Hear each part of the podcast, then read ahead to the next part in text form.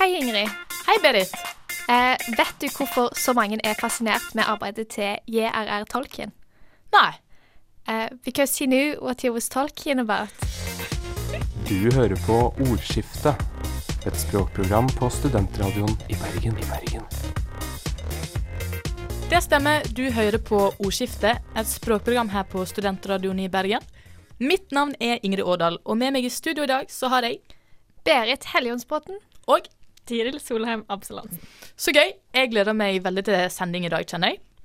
I dag er tema konstruerte språk, såkalla conlangs. En definisjon på det kan være et språk som ikke er oppstått naturlig som en prosess over tid, sånn som f.eks. vårt eget språk. Og for å rydde litt i terrenget på dette begrepet, så har man eh, flere underkategorier man kan snakke om. Eh, og der finner vi bl.a.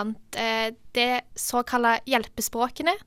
Som altså er språk som skal gjøre det enklere for mennesker med ulike språklige bakgrunner å, klare å kommunisere med hverandre. Eh, kanskje mest kjente er esperanto. Og så skal vi også ta for oss eh, det som kalles kunstspråk, som da er de konstruerte språkene i f.eks. Game of Thrones og andre TV-produksjoner. Og så har vi jo òg en godbit eh, seinere i sendinga. For vi skal nemlig snakke med en av språkekspertene i HBO-serien The Foreigners. Skal vi bare sette i gang? Ja. Du hører på Ordskifte, et språkprogram på Studentradioen i Bergen. Som vi nevnte litt innledningsvis, så er det jo sånn med konstruerte språk at der er ulike typer av det. For eksempel så har du orkslang, eller eh, da vi liker å kalle det på norsk, hjelpespråk. Som er språk som er laga for å være nyttige samfunnsmessig, og artlang, altså artistic language, som f.eks. til store eh, TV-produksjoner. ja. Og jeg tenkte jeg skulle ta for meg da esperanto, som er veldig fascinerende når du begynner å lese litt om det. Det er altså kanskje det mest kjente såkalte hjelpespråket. Som da er bygga for det skal være mest mulig politisk nøytralt, og det skal være lett å lære. Eh, og akkurat hvor mange som snakker esperanto, det er folk like usikre på. Så jeg har prøvd å lese litt om det, og eh, det blir beregna til å være mellom eh, 100 000 og 8 millioner.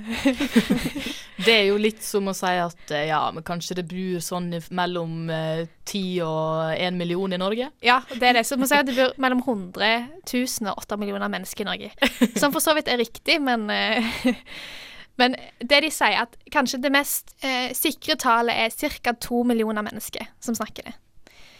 Og det er det hjelpespråket som har fått størst utbredelse i verden. Em, og det fins òg faktisk folk som har esperanto som, som morsmål. Hvordan det? Det er jo det er jo, man er jo kjent, det er jo kjent som et andrespråk. Ja, eh, jeg tror dette er barn som har eh, foreldre som er ganske over gjennomsnittet interessert i språk, og som har en eller annen sånn eh, ideologisk eh, grunn til at de har lyst å lære ungene sine esperanto. Jeg regner med at disse ungene har et annet morsmål i tillegg. Fordi hele på en måte, prosjektet er jo et sånt stort, stort sånn eh, vi vil ha fred i verden-prosjekt, der alle skal kunne kommunisere med hverandre, og alle skal kunne forstå hverandre, og, og, og det. Og da må vi ha flere språk. da må vi ha flere språk. Eller, eller da må vi ha et, et stort språk som alle kan lære. Men, Men- er det ikke sånn at uh, esperanto uh, baserer seg mest på de europeiske språkene? Ja, for det, det er jo jeg Når jeg liksom hørte språket, så tenkte jeg sånn Dette høres veldig spansk ut. Og det er liksom Røttene i, i de fleste ordene i esperanto eh, stammer jo fra romansk eller germansk. Og det kjenner du igjen. Sånn, for eksempel meg, som da kan norsk, engelsk og bitte litt fransk, var det egentlig ganske enkelt. Men eh, hvis du ki- eh, snakker mandarin, ikke kinesisk, så, så tror jeg du kommer til å slite litt med, med esperanto. Så det er jo på en måte Det er riktig det du sier, liksom, det er jo bare sånn et europeisk språkprosjekt som eh, Selv om det er tenkt til å være et sånt verdensspråk, så blir det mye mer europeisk på mange måter. Tenker vi at det inngår i det språklige mangfoldet på samme måte som andre språk? Da tenker jeg første språk. det inngår jo i det språklige mangfoldet, men um, det er jo det med sånne eh, konstruerte språk at det er ikke noe som har kommet naturlig på mange måter. Eh, altså, det er jo ikke de ungene som har lært dette språket, eh, har jo lært det fordi foreldrene er opptatt av at de skal lære dette språket, og fordi de mener at dette er eh, nyttig for de, eller de har en eh, ideologisk overbevisning, ikke fordi dette er det språket som blir snakka i deres nærmiljø. Så sånn sett så er det jo Men det inngår jo i det språklige mangfoldet, de gjør jo det. De har jo svære sånne konferanser der de drar og snakker med hverandre. Og, så. og det ble jo laga av eh, en polsk lege som heter Ludvig Leiser Samenhoff, som jeg sikkert uttalte helt feil. Men eh, Her er det innsatsen som teller. her er det innsatsen som teller. Det er, det er ikke noe krav at du må kunne polsk. Heldigvis. Og han offentliggjorde prosjektet da i 1887, og da brukte han pseudonymet Doktor Esperanto. Så det er der eh, navnet, eller eh, språket fått sitt navn fra, er jo fra dette pseudonymet som han gikk under. Men det er jo òg et ido-språk, et annet hjelpespråk, som er kommet ut ifra esperanto. Men det var ikke han helt fornøyd med. Nei, det var han ikke. Det var jo noen som mente at dette eh, esperanto-språket ikke var helt eh, Hva skal si, da? At det ikke var godt nok. At det trengte å bli utarbeida videre. Um, og som alle gamle menn, så, så hadde han jo, hadde han jo tok, Han ble litt fornærma, tror jeg. Så han, han tok ikke så godt imot det. Men uh, til gjengjeld så er jo dette idospråket tilnærma utdødd. Ja. Uh, og det er jo ikke esperanto. Det lever jo ganske godt videre. Til Ludvigs store lykke. Ja, jeg tror han er veldig fornøyd. Hva med strukturen i eh, esperanto?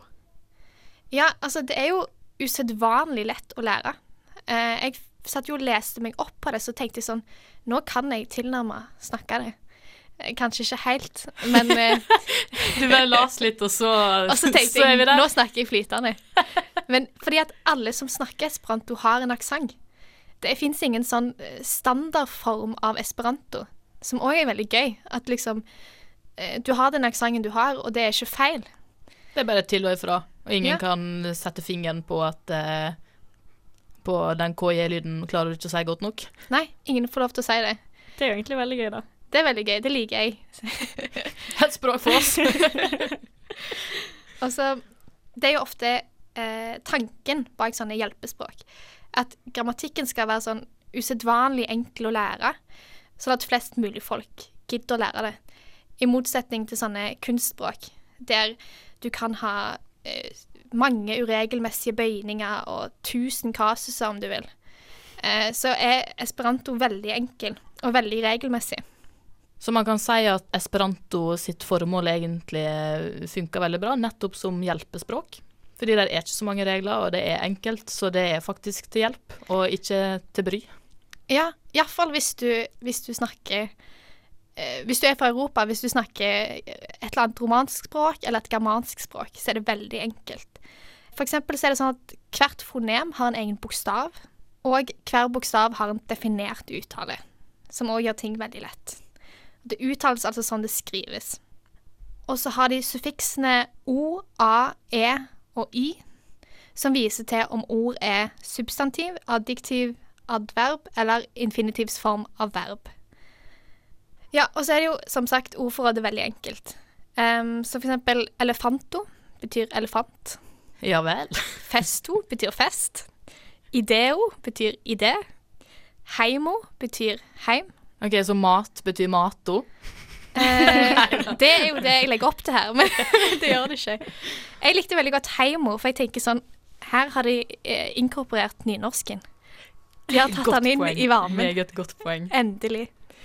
Um, og for eksempel Mi esta bona betyr 'jeg har det bra'. Det er jo veldig likt spansk, da. Veldig likt spansk. Så det som du sier, det er, ikke, det er en litt sånn eh, Lener litt mot europeisk her. Og til slutt skal jeg ta en liten fun fact. Ja vel. I Norge så er verk av Bjørnsen, Ibsen og Hamsun oversatt til esperanto. Så allmenn storlitteratur sprer seg òg da til disse her eh, litt mindre hjelpespråka. Ja, absolutt. Eh, Det er ikke bare Bjørnsen, Ibsen og Hamsun. Det er òg Dante, Dickens, Shakespeare og Goethe. OK. Så du, hvis du bare snakker esperanto, så får du med deg all verdenslitteratur. Det er jo veldig kult at man eh, er interessert i både esperanto og Ibsen, da. er Man er et interessant stykke menneske. Så sånn avslutningsvis da, så kan vi kanskje oppsummere med at uh, hvis du vil ha verdensfred, så lær deg esperanto. Med mindre du ikke bor i Europa, da. Du lyssnar på Ordskifte, ett språkprogram på Studentradion i Bergen. Si vannuna, romello vannu valimar. Na Marie, na hiruvalje valimar, na elje hiruva, na Marie. Det vi hørte der, var jo et eksempel på eh, konstruerte språk i eh, filmproduksjoner eller til kunstneriske formål, art slangs, f.eks. parcel tongue eller slangespråket i Harry Potter. Men Tiril, hva var det vi hørte akkurat der? Det vi eh, hørte nå nettopp, det var altså et av språkene vi finner i 'Ringenes herre', som da heter quenya, som er den første versjonen av eh, alvisk som Tolkien lagde. Ja, for han har laga et ganske massivt språkunivers. Ja, det har han. Han eh, har laget en hel språkfamilie til eh, disse historiene han har laget, eh, og også mye språkhistorie til f.eks. alvisk, hvor quenya da blir på en måte det aller første som da har utviklet seg videre til eh, det man faktisk hører i 'Ringenes herre', som er sindarin, en annen niesen til Og det er mer det, det er hverdagsspråket. Ja, for hvis man skal liksom sammenligne de to, eh, altså quenya og sindarin, de alviske språkene, så vil quenya på en måte være latin og eh, sindarin være hverdags, hverdagslig tale. Men hvis du da ser eh, en Ringenes herre-film, vil du aldri høre innslag av quenya. Det er kun simarin. Ja, det er jeg ganske sikker på, egentlig. Altså eh, ganske sikker på, i hvert fall. Eh, de som er eh, super eh, eh, Dere, dere får sende oss en melding i Ja. innboksen hvis dere hører Ja, hvis, at hvis vi er helt, helt ute på bærtur her nå. Eh, så, men Sindarin er det som eh, blir snakket i, i Ringenes herre-filmene, da. Så eh, alt som foregår før med Quenya og alt det der, det er ikke en del av selve filmen eller Så han har bare laga, han har bare laga en språkhistorie for Ja. at det språket skal ha en historie å bygge på, noe å referere til. Mm. Og det som er så gøy, er at jeg leste nettopp at språket Altså, for Tolkien var filolog, så det sier jo kanskje litt mer om at uh, språk var en stor del av livet hans. Så det som han uh, Som er en Holdt på å si teori, men det man uh, vet, er at uh, han har da laget språk fra Altså dette quenya-språket lagde han i 1915, begynte han på det, når han var 23 år gammel, og har egentlig basert historiene sine på språkene han har laget. Så det har på en måte utviklet seg rundt de språkene han har skrevet, for å få brukt de og tatt de i bruk, da. Ja, Ingrid, det er nest, eller når et par måneder til det. Da når vi skal begynne å lage en, lage en Et eget språk. et eget språk. Jeg tenker Ja. det, det er det som skjer på Altså bare gi meg natta, så, så skal jeg fikse det. Ja. David Peterson har jo, som har konstruert språka i Game of Thrones, har jo gått veldig annerledes til verks. Eh, etter mine inntrykk, da, at han har ikke laga den her språkhistorien der tolken har begynt eh, for det fantastiske historiske verket som bygger videre på noe, men at han har han har gått mer sånn skjematisk til verks, da, at OK, nå lager jeg mal, hvor begynner vi, og hvor slutter vi? Og Det er jo òg andre språk i Game of Thrones, som eksempel eh, Valerian, eh, som jeg tenkte at vi skulle spille av et lite lydklipp av her. Zaldrizes buzdaris gosdaur. Traži valire? Nige daineres gel masmo hentar geriol lentrot. En Valeria wipoanagarixan. Valeria munio engos nuhis isa.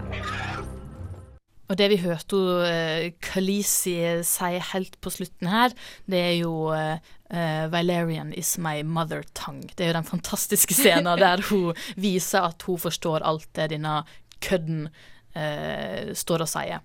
Men vi regner jo med at alle dere som hører på nå, selvfølgelig forsto hva som ble sagt. ja, det, det er minstegravet her. Ja, det er minstegrav.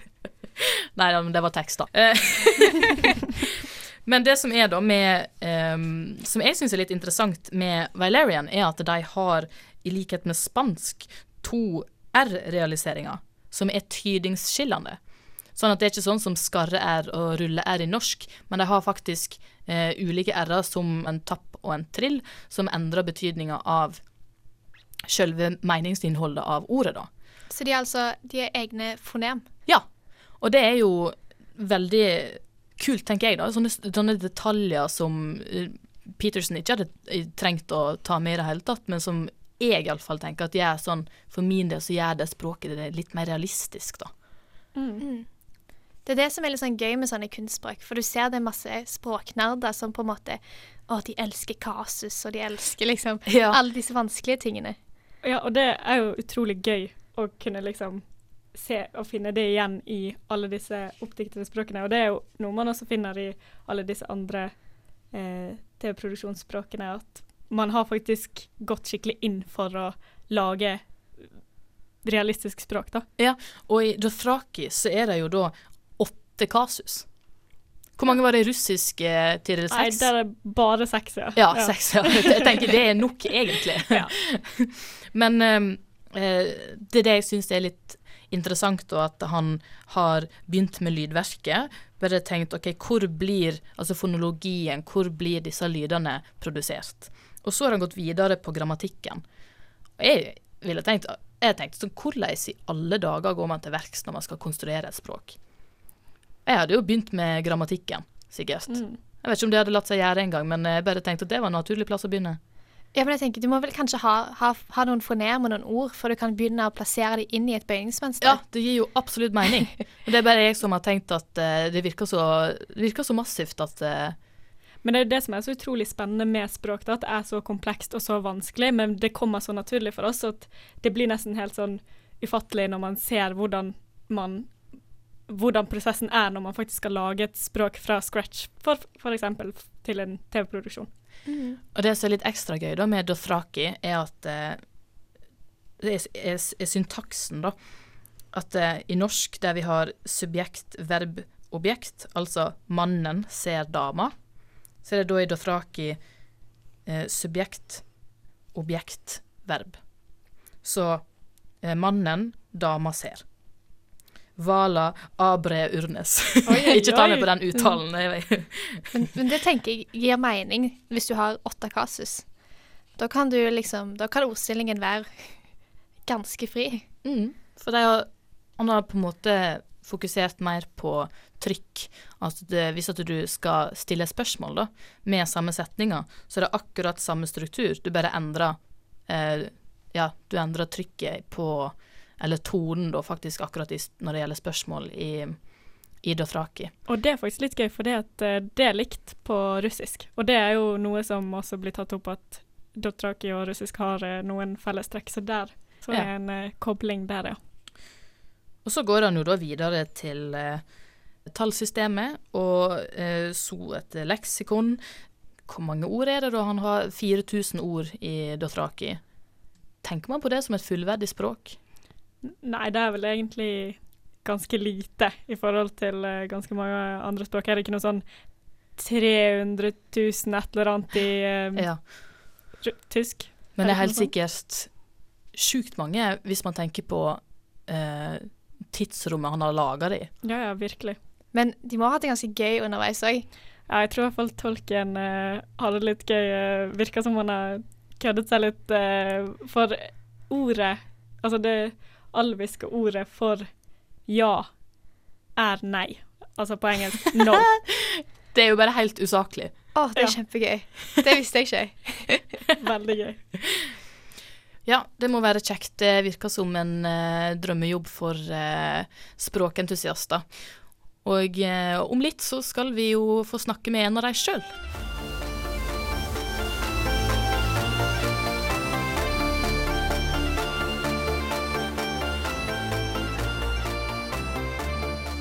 Da jeg hit kom første gang for ca. 10 000 år siden, var alt dette is. Flokken sa stedet utukte. Men jeg beit meg sammen og hjemble. Seljakta og grov ishole, vinterhav. Det du hørte her, var karakteren Navn i eh, Beforeigners, som snakka på sin norske aksent. Og her skal du òg få et lite lydklipp av en um, annen karakter som snakker med sønnen sin på dette steinalderspråket. Eh, geit på menyen, kanskje? Ja, vektermester ba meg nyplassere den. Slå dere i mage. Han bare soper pent til han drar. Ja, de må reise ifrån. Ha? Har du greiene mine? Da har vi fått besøk i studio via Skype av eh, doktorgradsstipendiat ved Universitetet i Oslo. Julian Lysvik, så kjekt at du ville snakke med oss. Ja, tusen takk. Vi er jo veldig nysgjerrig på eh, ditt arbeid i denne serien Beforeigners, eh, HBO-serien, der man eh, det tar utgangspunkt i et språkmøte mellom altså hvordan vi snakker i dag, og 1800-tallsnorsk, eh, norrønt, og så er det det her steinalderspråket som Mm. ingen av oss har hørt før. Det stemmer. Hvordan har den prosessen vært for deg? Eh, nei, Det var jo en, eh, en interessant oppgave. så Jeg har jobba sammen med Alexander Lykke, som er doktorgradsstipendiat i Oslo, og André Dannevik, som jobber med datalingvistikk. Og Det første oppgaven vi fikk, var faktisk å lage en aksent til disse steinaldermenneskene. Så når du hører karakterer, navn og naboer som snakker snakke norsk, så hører jo at de snakker med en karakteristisk aksent. Ja. Og vi visste jo at veldig mye av replikkene kom til å være på denne aksenten. Så vi starta faktisk med å lage en aksent eh, for dem når de snakker norsk. Eh, og derifra jobba oss bakover til hvordan språket må ha hørtes ut. Så dere begynte, dere jobba litt baklengs, på en måte? I aller høyeste grad. Eh, så vi, vi, det vi gjorde, var at vi spilte inn Vi prøvde masse forskjellige aksenter. De kan ikke Det er jo en viss fare for å høres ut som sånn fordomsfull eh, eh, altså innvandreraksent. At, at, at det blir sånn herselig parodi på noe sånt. Og man vil jo unngå at liksom folk skal tenke ja, dette høres ut som eh, fransk eller arabisk eller eh, hva enn det skal være for noe. Det må høres ut som noe helt eget. sånn at det var jobben vi starta med. Sånn, hvordan får vi denne aksenten til å ikke høres ut som andre aksenter, eh, men likevel være gjenkjennelig. Ja, det har vi jo lurt eh, på, altså hvor dere faktisk begynner. Så da begynner dere rett og slett med å lage et utgangspunkt av en aksent på norsk, og så, og så jobber dere ut ifra det. Og hvor, Nettopp. hvor komplisert har den prosessen vært for dere? Hvis man tar eh, på en skala fra russisk, komplisert, til esperanto Eh, ja, nei, altså, altså det, det har vært innvikla. Altså, det, vanskeligste for oss å, var, var egentlig å lage en aksent som ikke høres eh, quote unquote morsom ut. Mm. Den må ikke høres ut som en parodi på, på en aksent. Den, den må kunne ha et eh, alvorlig preg. og det er klart Ingen av oss er skuespillere. Så der hadde vi veldig mye kontakt med Anne Bjørnstad, hun som har skrevet serien sammen med Eilif Skodvin. Eh, og sendte frem og tilbake utkast og forslag til ideer til hvordan dette skulle høres ut. Um, og utvikla den sammen med henne. Så det har jo vært en utfordring som jeg tror ikke vi kunne ha forestilt oss på forhånd. Jeg vil jo tro at du kjenner godt til David Peterson, som har konstruert språket i Game of Thrones. Og han begynner jo med sjølve eh, lydverket, Mm. sånn jeg har forstått det.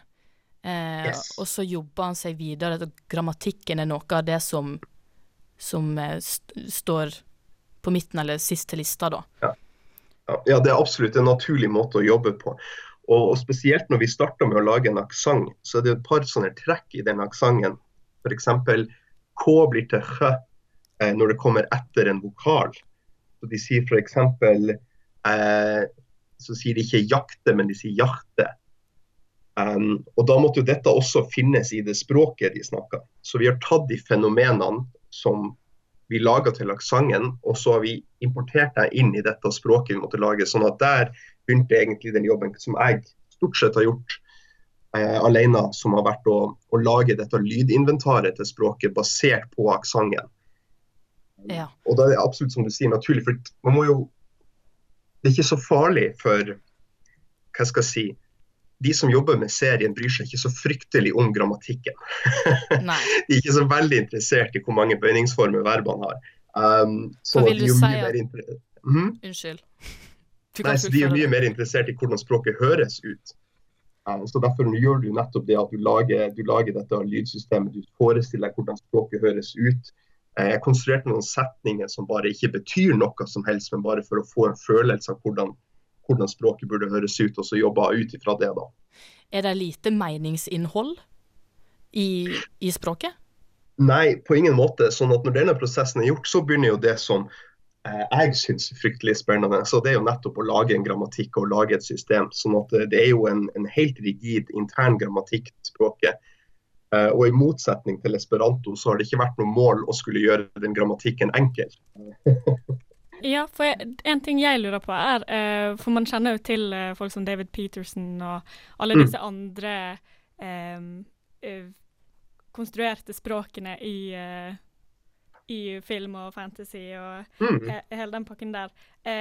Tror dere, eller tror du at dere ble påvirket av noen av de fiktive språkene mens dere lagde dette nye språket, eller tror dere du, eller tenker du at dere tok utgangspunkt i noe mer norsk nå når dere skulle lage det Nei. språket? Eh, det, så jeg tror jo i den grad at eh, jeg har drevet på litt med språklaging, eh, så, så er det klart at de har inspirert meg. Sånn som Paul Frommer som laga språk til Avatar. Og um, sånn som Mark Ockeren som laga språk til uh, Star Trek. Eh, så har jo Det som har vært inspirasjonen, har vært liksom hvordan type begrensninger har vi. De har jo laga språk til romvesener som liksom skal være helt fremmed, helt annerledes. Mens vi har måttet lage språk som er genuint naturlig, mulige, ordentlige språk. Um, sånn at uh, vi har nok tatt utgangspunkt i at det språket skal være så realistisk som overhodet mulig. Eh, altså Det skal ikke ha grammatikk, det skal ikke ha lydstrukturer sånne ting som ikke finnes i verdensspråk. For hvordan har dere jobba med syntaksen? Eh, når man tenker, for Vi forstår jo ikke det språket vi hører eh, i serien. Men hvordan har dere jobba med det, sånn hvis man tenker på High Valerian i Game of Thrones, der de har Mm. subjekt, objekt, verv? Så vi, vi fikk jo et manus um, fra eh, serieskaperne. Og der, eh, som dere hører, så snakker jo de litt spesielt. Ikke bare i tonefall og i aksent, men også i ordstilling. Og, og, og det er noe som serieskaperne eh, hadde laga. Jeg tok utgangspunkt i den ordstillinga de bruker, og prøvde å tolke ok, hvordan høres morsmålet deres ut når de har ei sånn ordstilling. Så for så sier han ikke han sier 'omplassere den' istedenfor å plassere om, eller plassere den om, eller plassere den bort. Um, sånn at språket har f.eks. veldig mye prefiks. Dvs. Si, istedenfor å ha endelser på slutten av ordene, så kommer de på begynnelsen av ordene. På samme måte som de gjør når de snakker norsk. Sånn at vi starta med det lille utgangspunktet der. Men hva med sånn eh, ulike karakterer, altså hver enkelt karakterspråkbruk? Altså har karakterene fra de samme epokene noen variasjoner i hvordan de snakker? Har dere tatt høyde for det, liksom? Også? Så der har vi egentlig levna oppgaven primært til skuespillerne. Um, så vi har jo tenkt oss uh, spesielt med, med, med mesolittisk, for det er jo relativt lite mesolittisk i serien, så har det vært så viktig at det har hatt, vært enhetlig. Um, Det er altså da steinalderspråket som Ja. du har uh, til dette formålet konstruert. Riktig. Så da er det så viktig at når du hører både at de snakker på aksenten og når de snakker på språket, at det høres likt ut. Um, men norrønt så har det nok blitt en del naturlige forskjeller, fordi at de bruker både islandske og norske skuespillere. Selvfølgelig Krista Kåsanen, som spiller Alvhild, er jo finsk. Mm. Eh, Så du får jo en del variasjon bare med at de snakker med forskjellige aksenter. Hvis du lytter godt, så kan du høre uh, norskprega norrønt og islandsk preg av norrønt. Og Der pleier Alexander Lykke alltid å gjøre et godt poeng. Det at eh, eh, det er ingen grunn til å tro at den ene er mer riktig enn den andre, for vi vet veldig lite om aksent og tonefall Ja, fra norrøn tid. for hvordan vet man egentlig hvordan f.eks. denne her ed-en uttales? Altså eh, Det er vanskelig for meg å skulle, skulle gjengi den, men den stemte versjonen av en sånn eh, tårn eller Ja. sak og tak. Ja, så Edd og Thorn er jo, er jo gode eksempler på, på sånt, men der vet vi jo, fordi vi kan se på andre eh, eh, germanske språk. Og islandsk har jo fortsatt bevart dem. Det er klart Færøyst mista Edden, og selv om de fortsatt skriver den. Men de finnes jo igjen i, i engelsk, da, f.eks. Så det er all grunn til å tro at vi har en ganske sånn noenlunde eh, sikkerhet om, om nøyaktig hvordan de ble uttalt. Og Vi ser også hva de har endra seg til. ikke sant? Thø ble til tø i, i de fleste tilfeller i moderne norsk. ikke sant? Som, som tak ble til tak, eh, f.eks. Så da vet vi jo hvor ca. det må ha kommet ifra. Og Hvor opptatt har dere vært av at denne 1800-tallsnorsken skal eh, representere eller ikke representere hvordan Ibsen og Bjørnson skrev? Så med 1800-tallsnorsken så er det André Dannevig som har, har jobba mest med den. Um, og der har vi jo der har vi igjen måttet gjort et litt sånn kunstnerisk valg. Vil si, sannsynligvis så er forskjellene mellom faktisk 1800-tallsnorsk og eh, dagens norsk såpass små at det er ikke nødvendigvis sånn at, at eh, alle seere ville synes at det var en stor forskjell. Så vi har gjort noen valg at vi har forsterka noen av forskjellene, men likevel prøvd å holde det innenfor realistiske rammer. Eh, Så det er jo noe som kalles for klokkerdansk, som er på en måte den, det man lærte på skolen i perioden, altså dansk med norsk uttale. Og det er ca. sånn de snakker. Og det er klart, når de alle snakker så likt, så er jo det helt urealistisk. fordi at på 1800-tallet så ville det vært store dialektforskjeller, om så bare innad i eh, Kristiania, men også i hele landet. Så Vi har på en måte valgt å gå bort ifra det og så, gjort sånn at de har den her, em, hva skal si, forestilt oss at det er overklassen som kommer, og at de snakker på den måten de snakker på. Vi skal ta en bitte liten pause, Julian, og så er vi mm. tilbake om litt med noen lytterspørsmål til deg. Du hører på Ordskiftet, et språkprogram på studentradioen i Bergen. I Bergen. Da er vi tilbake med noen lytterspørsmål til deg, Julian. Det er ganske mange som interesserer seg for det arbeidet dere har eh, gjort i eh, Beforeigners. Men aller først så lurer jeg litt på disse konstruerte språka, og da eh, artlangs, altså de i disse store TV-produksjonene som blir veldig populære. Hvordan skal man si at de inngår i et, et språklig mangfold? Ja, Det er jo et morsomt spørsmål. En del av disse språkene, jeg tror kanskje klingon er det som, som har fått mest oppslutning av sånne hardcore fans som lærer seg språket. Eh, Men også selvfølgelig en del som, som lærer seg alvisk, eh, eller varianter av alvisk fra, fra Tolkien sine verk. Eh, gjør jo at, at på en måte de får mye oppmerksomhet, og det gjør at folk er interessert i å lære seg det. og Det er jo det store problemet til ethvert konstruert språk, er jo å få en, en skare og få en base av folk som faktisk ønsker, ønsker å lære seg det. og Da må man være veldig god på markedsføring, rett og slett. Du selv, da, så tenker du at uh, Har du lyst på en uh, fanbase her i Norge til et steinalder, til steinalderspråket? Altså, du, du kan spørre igjen når vi har fått syv sesonger og et par-tre filmer. Ok, vi går videre til et lytterspørsmål vi har fått fra Tarjei.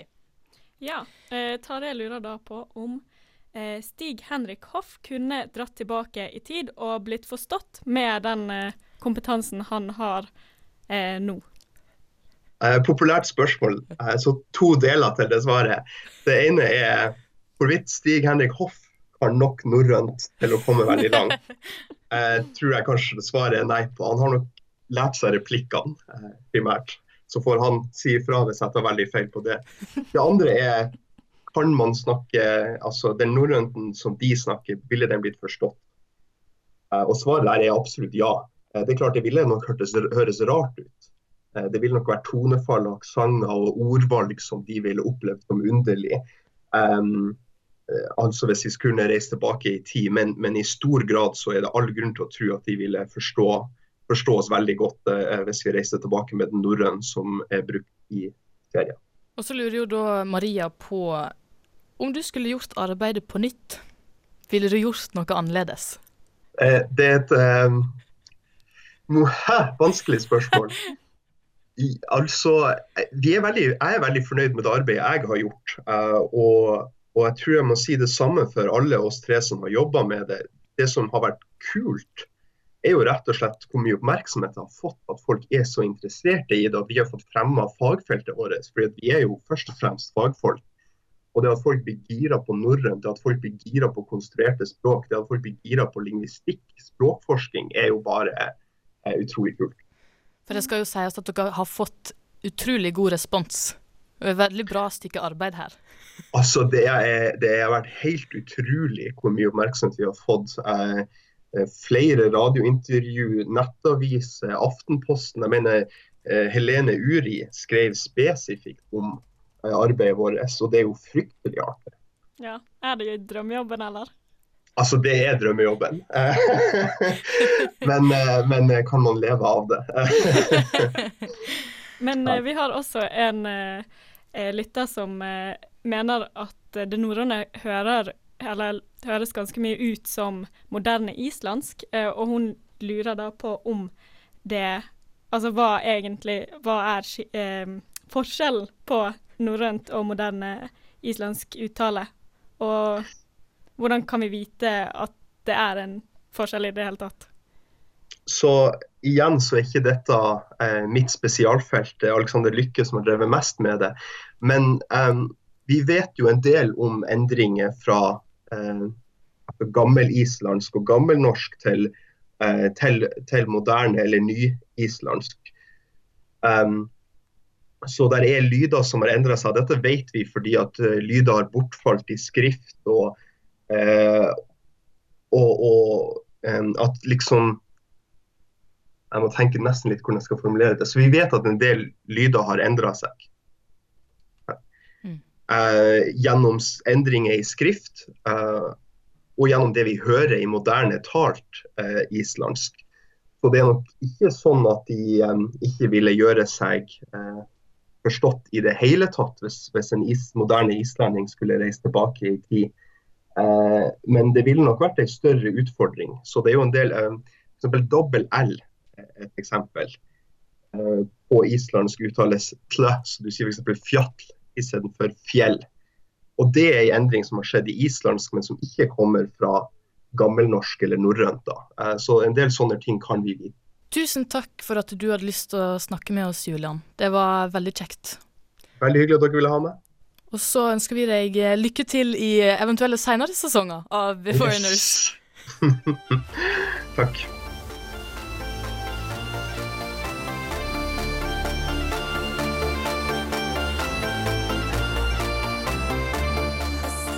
Da er vi kommet til veiens ende for denne gang.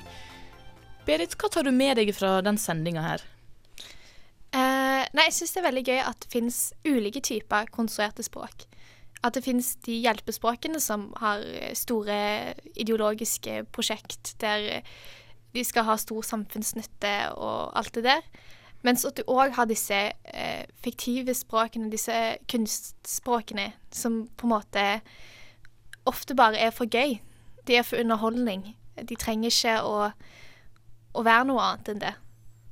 Og så har det vært utrolig gøy å være med og se på hvordan man egentlig konstruerer et språk, og bli mer klokere på nettopp dette å se hvor komplekst og sykt det er egentlig at vi har språk og lager språk. Ja, helt enig. Jeg syns det var utrolig kjekt at Julian hadde lyst til å dele litt av den prosessen bak eh, Beforeigners med oss. Og så tenkte vi at eh, vi må jo selvsagt informere om at eh, vår kjæreste Loreen har en nettsak liggende ute nå på srib.no. Vi linker til den på eh, Facebook-sida vår, Ordskiftet, et språkprogram på Studentradioen i Bergen. Det er da Loreen som har skrevet ei sak på en forelesning av eh, David Peterson eh, himself, eh, fra en forelesning om Dothraki. Hvis du har kommet inn seint i sendingen, så kan du finne oss eh, der du hører på podkast. Og gi oss gjerne fem stjerner. Hvis du likte det. Ja, det syns vi er veldig gøy. Da takker vi for i dag, og så snakkes vi seinere. Ha det! Ha det! Du hører på Ordskiftet, et språkprogram på Studentradioen i Bergen. I Bergen.